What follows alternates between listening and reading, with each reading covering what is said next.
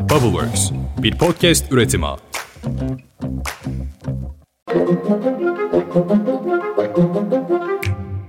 Merhaba, bugün 19 Ocak 2023 Perşembe, ben Özlem Gürses. Seçime 113 gün kaldı, hadi başlayalım. MHP Genel Başkanı Devlet Bahçeli önceki gün Mayıs'ta bu işi bitirelim demişti. Bahçeli'nin yarım bıraktığını bugün Cumhurbaşkanı Erdoğan tamamladı şu sözlerle. Yeter söz de karar da gelecek de milletindir diyerek 2023'te milletimizin desteğine talip. Milletimiz 73 yıl sonra bir kez daha aynı gün altılı masa diyerek karşımıza çıkan bu darbe şakşakçılarına yeter diyecektir.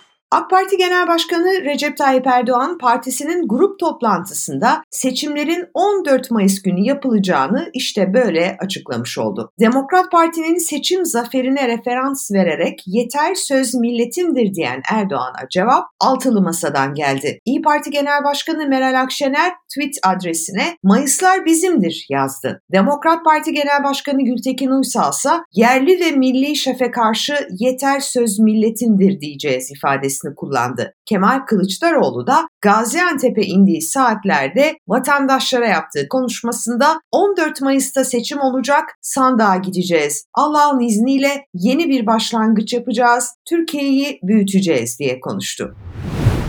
Seçim tarihi netleşti. Sıra altılı masanın ortak adayında. Ancak anlaşılan aday isminin açıklanması Şubat sonunu bulacak. CHP Grup Başkan Vekili Engin Özkoç, altılı masanın Cumhurbaşkanı adayına ilişkin bir basın toplantısı düzenledi. Özkoç, biz bir takvim açıkladık. Ocak ayının 30'unda tekrar bir araya gelecekler ve bir sunum gerçekleştirilecek. Ocak ayından sonra da adayı açıklayacaklar dedi.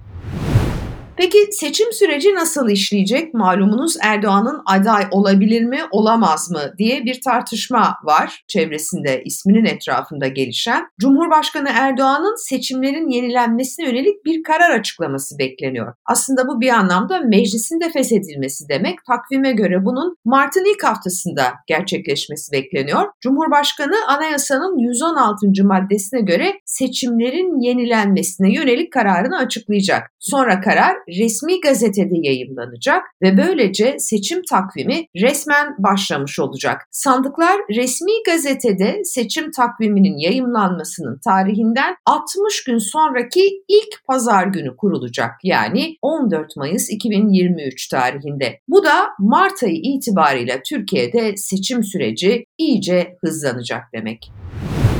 Bugün saat 14'te Merkez Bankası'nın 2023 yılının ilk faiz kararı açıklanacak. Para Politikaları Kurulu'nun açıkladığı faiz kararı Bakan Nurettin Nebati'nin deyimiyle gerçekten de iyice önemsizleşti. Banka bir önceki toplantıda politika faizini %9 seviyesinde sabit tutmuştu. Uzmanlar faizin yine sabit kalacağını öngörüyor.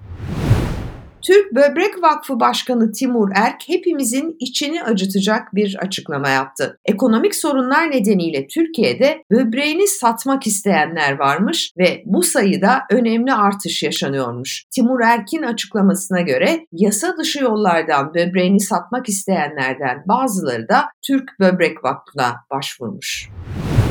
Sinan Ateş cinayetinde kritik bir gelişme var. Soruşturmada adli kontrolle serbest bırakılan ve adı sır gibi saklanan ikinci bir kişinin bir MHP Genel Başkan Yardımcısının özel kalem müdürü olduğu öğrenildi. Evet yanlış duymadınız biliyorsunuz savcı değişmişti ve Tolga Demirtaş isimli şüpheli adli kontrolle serbest bırakılmıştı ifadesi alındıktan sonra. Alican Uludağ'ın Doğu Çevele'deki özel haberine göre serbest bırakılan ikinci bir kişi daha varmış. Emre adındaki bu şüphelinin dosyadaki konumuysa şimdilik bilinmiyor. Olayda kullanılan bir aracın da MHP'ye tahsisli olduğu iddia ediliyor. Ankara Cumhuriyet Başsavcılığı'nın yürüttüğü soruşturma kapsamında bugüne kadar 13 şüpheli tutuklandı. Cinayetin asıl tetikçisi Papi lakaplı Eray Özyağcı ise halen yakalanamadı.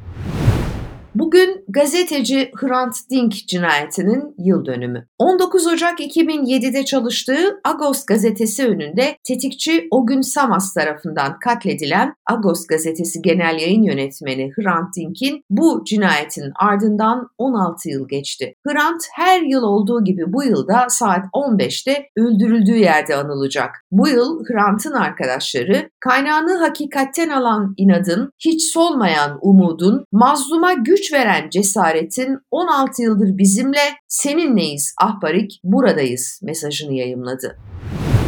Bu arada HDP'nin Hrant Dink cinayetinin tüm yönleriyle araştırılması önerisi AK Parti ve MHP milletvekillerinin oylarıyla reddedildi. Meclis Genel Kurulu'nda önerinin gerekçesine ilişkin konuşan HDP Diyarbakır Milletvekili Garo Paylan, talimatı verenlerin yargılanmadığını vurguladı. Paylan devamındaysa şöyle konuştu. Bu devletin derinlikteki karanlık çeteleri ortaya çıkarmak için bir arınma davası olabilirdi bu dava. Ama AK Parti iktidarı dönem dönemin valisini İçişleri Bakanı yaptı, dönemin emniyet müdürünü ise vali yaptı. İstihbarat dairesinin bütün yetkililerini terfi ettirdi, kamera kayıtlarını yok ettiler.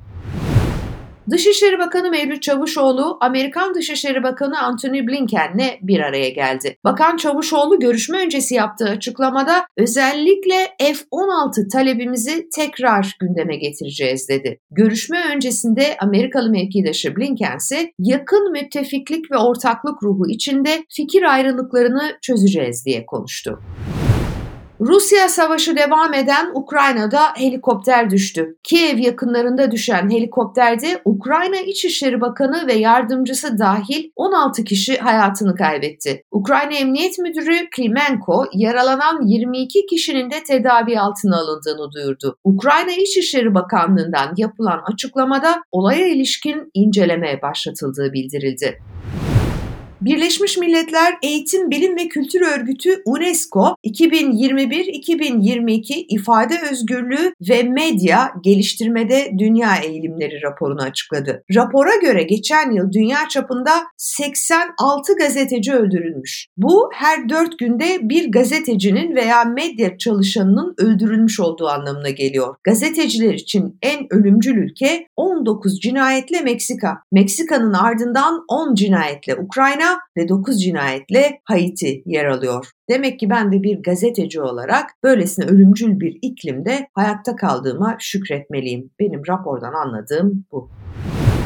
Türkiye'yi terk eden ve uzun bir süredir Almanya'da yaşayan rap sanatçısı Ezel, Eurovision şarkı yarışmasına ilişkin olarak sosyal medya hesabından bir paylaşım yaptı ve Eurovision'da birincilik vaat ediyorum yazdı. Ben de diyorum ki ah keşke, ah keşke Ezel memleketine geri dönse, şarkılarını yine burada söylese ve Eurovision'a gerçekten de bir birincilik getirse. Getirir. Ezel en güzelini yapar. Yarın aynı saatlerde görüşünceye dek. Hoşçakalın. Yine de ben ister isterdim elbet. Yaşamak el ele de yaşamak hayallerde hep. Bu yer bu yerlerde hayallerde. Hep Haksızken haklı her herkesi herkes Kesiyor birisini geçmişin hayaletiyle. Ne zor bu yerlerde hayal etmek bile. Bubbleworks bir podcast üretimi